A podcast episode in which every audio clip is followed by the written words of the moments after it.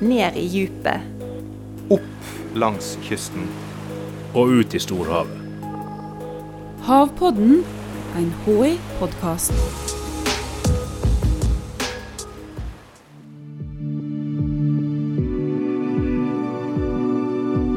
Oppdrettsanlegg ligger langs hele norskekysten, fra ganske langt sør til ganske langt nord. I merdene finner du mange tusen laks og en liten, ubedt gjest. Den vesle lakselusa er et stort problem. Jeg heter da Ørjan Karlsen. Jeg er forsker ved Havforskningsinstituttet. Og jeg jobber med lakselus, eller mer spesifikt, jeg jobber med effekten av lakselus på vill laksefisk. For å begynne veldig enkelt, Ørjan. Hva er ei lakselus, egentlig? Lakselus det er faktisk en lite krepsdyr. De største blir kanskje en centimeter i størrelse, sånt, men det er egentlig en helt naturlig forekommende krepsdyr. Det har jo ingenting med vår lus eller vår loppe eller sånne ting å gjøre. Og så er han litt sånn spesialisert. da. Han lever utelukkende på laksefisk. Hos oss så betyr det selvsagt at uh, han vil smitte eller leve på laks, på ørret og på røye. Uh, han vil bare leve på disse så lenge de lever i saltvann, siden lusa ikke tåler ferskvann. Altså Ei voksen holus som sitter på en laksefisk, den vil produsere eggstrenger. I disse eggstrengene, som da er egg naturligvis, så klekkes det lakselus. De aller tidligste, de aller minste stadiene. Disse driver rundt i vannstrømmene til de er blitt så gamle at de kan smitte en laksefisk. Ja, hvordan smitter de en laksefisk? Nei, De driver rundt i vannstammene. og når det kommer nær eller en, at det blir en kort avstand mellom en lakselus og en laks, så vil lakselusa hoppe til og sette seg fast på laksen. I skinnet, liksom? I skinnet. Han sitter utapå fisken. Det er ikke en sånn innvortes greie. Han sitter på utsida av fisken. Og så, så, Når han da har funnet denne fisken som han skal, skal, sitte på, så vil han fortsette å vokse han vil fortsette å utvikle seg. Sånn at uh, det går gjennom noen stadier. da. Uh, Lakselus har jo åtte ulike stadier. Ganske vanlig for krepsdyr at de har såpass mange stadier. Men til det, det ender opp som ei voksen uh, holus igjen etter om lag seks uker.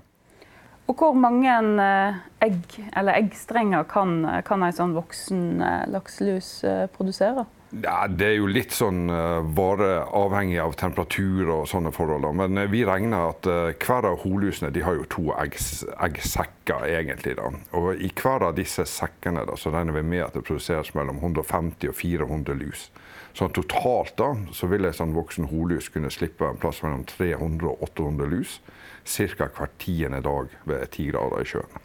Så det blir fort, altså Fra få lus så kan du veldig fort gå til å ha veldig mange lakselus? Ja da, og det er ganske sånn typisk for en sånn parasitt. fordi at den lusa som den som slippes fra den voksne holusa, skal jo drive rundt i sjøen, og så skal den ha så flaks at den faktisk finner seg en ny vert å sette seg på. Og det er først når den finner en vert at den kan vokse og utvikle seg. Hvis ikke så vil den dø av sult eller et eller annet sånt i sjøen.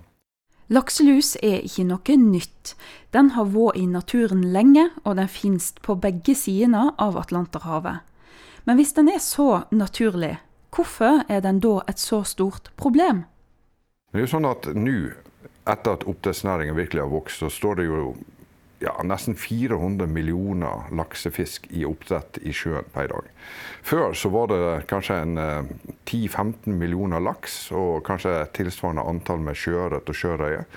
Antall verter er blitt veldig veldig mye høyere nå når vi har fått så stor vekst i oppdrettsnæringa.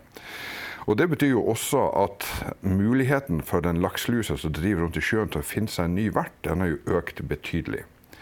Og når du da får en, mange nye verter med mye større produksjon av lus, så vil du få en mye større uh, tetthet av smittsomme lakselus i sjøen generelt. Og, og da har du en smittesyklus som, som, har økt, rett og slett.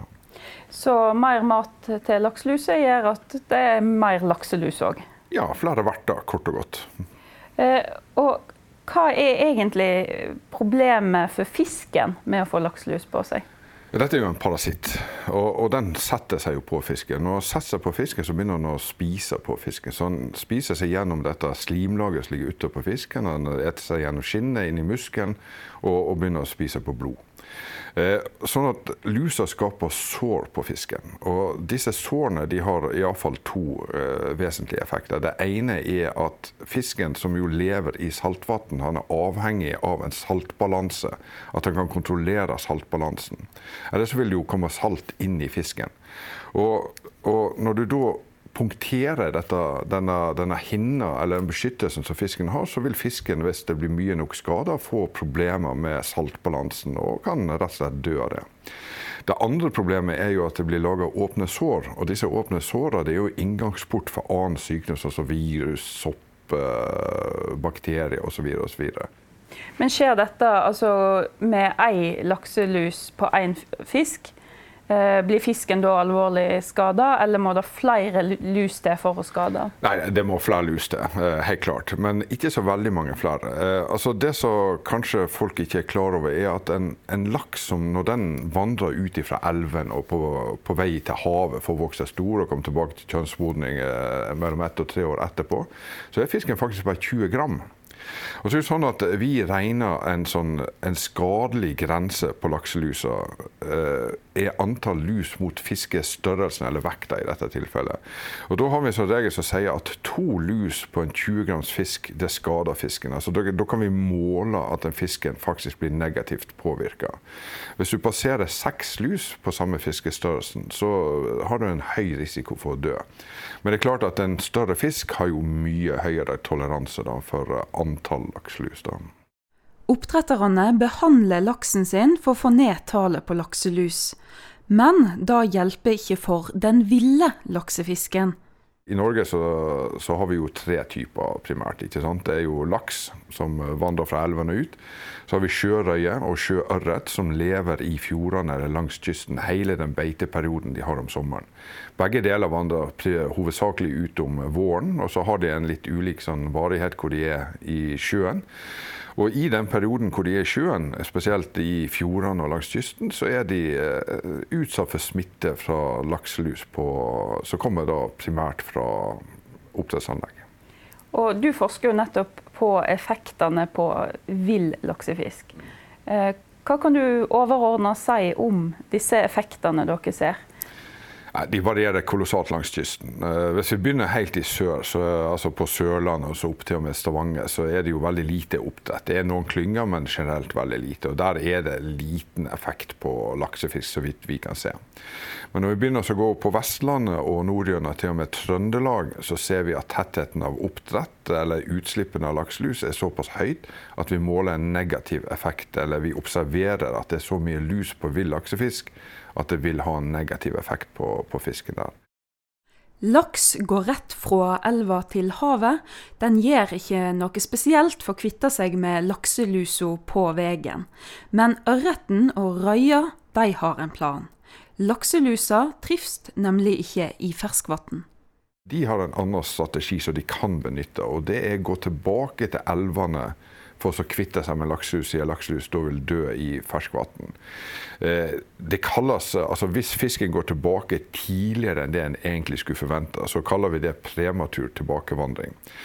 Og Det er jo også en effekt. altså Du endrer atferden til fisken. Ikke bare det at den går tilbake til elvene, man vil også oppsøke brakkvannslag i fjordene. altså Det er typisk i nærheten av elvene, naturligvis.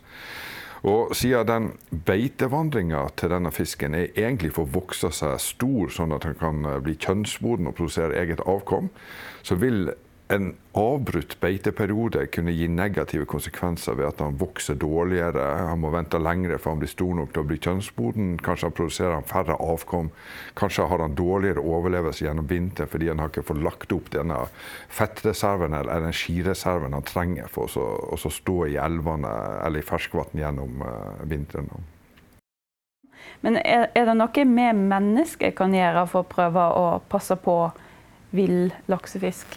Ja, Det er jo å eh, beskytte, fisken i den perioden som han er mest sårbar. Eh, typisk så gjøres på i dag, det er jo at myndighetene har satt uh, ei, ei, lavere grense for lus om våren når, når fisken kommer ut, når de er minst, når de sannsynligvis er mest sårbare for lakselus. Da. Men i tillegg da, så har jo myndighetene gjort en rekke andre grep. Én ting er at de har jo innført dette trafikklyssystemet, altså hvor de egentlig regulerer oppdrettsnæringas tillatelse til å vokse basert på effekten lakselus har på vill laksefisk. Men i tillegg da, så har de jo gjennom mange år etablert såkalt nasjonale laksefjorder og nasjonale lakseelver. Eh, hvor, det, hvor, de nasjonale laksefjordene er områder hvor det ikke er lov til å drive oppdrett. Og Meninga med de er at du skal beskytte primært laksen i vandringa gjennom fjorden og ut til beiteområdene. Er det på sikt, altså Hadde det vært et mål å få utrydda hele lakseluset? Ja, Vi har vel kanskje ikke så veldig tro på at det er så veldig enkelt. fordi at uh, ting er at uh, Mesteparten av lusa sitter nødvendigvis på oppdrettsfisken, siden det er så mye, mange flere verter. Men det er lus på villfisken også. Alle de, det har jo alltid vært der før oppdrettsnæringen kom også. Og det er jo også sånn at den lakselusa sannsynligvis smitter gjennom Atlanterhavet ved at den smitter fisken som er i havet. Så det hjelper jo ikke med bare tiltak i Norge, du må jo faktisk gjøre det over hele eh, det området hvor det faktisk finnes lakselus. De har jo i mange mange år jobba med å utvikle vaksiner mot lakselus. Eh, det er jo ikke kommet helt i mål på det. Det jobbes veldig mye med nye medikamentelle metoder for å, finne, for å kunne begrense situasjonen eller, eller, antall lus. Det jobbes mye med sånn lukka merdteknologi. Det jobber mye med tiltak for å forhindre at fisken smittes gjennom eh, skjørt som de har rundt oppdrettsanleggene, gjennom å senke fisken ned osv. osv. Men å utrydde den, ikke med det første. Lakselus er jo en naturlig parasitt. Det er ikke noe som har kommet med oppdrettsnæringa, men det blir et problem siden oppdrettsnæringa blir så stor og at det blir såpass mange nye verter for dette. Den lusa som produseres i oppdrettsanleggene, den smitter ikke bare annen oppdrettsfisk, den smitter også villfisk. Villfisken har ingen mekanismer for å beskytte seg mot smitte av lakselus. De kan trekke tilbake til ferskvann, men det er også en effekt.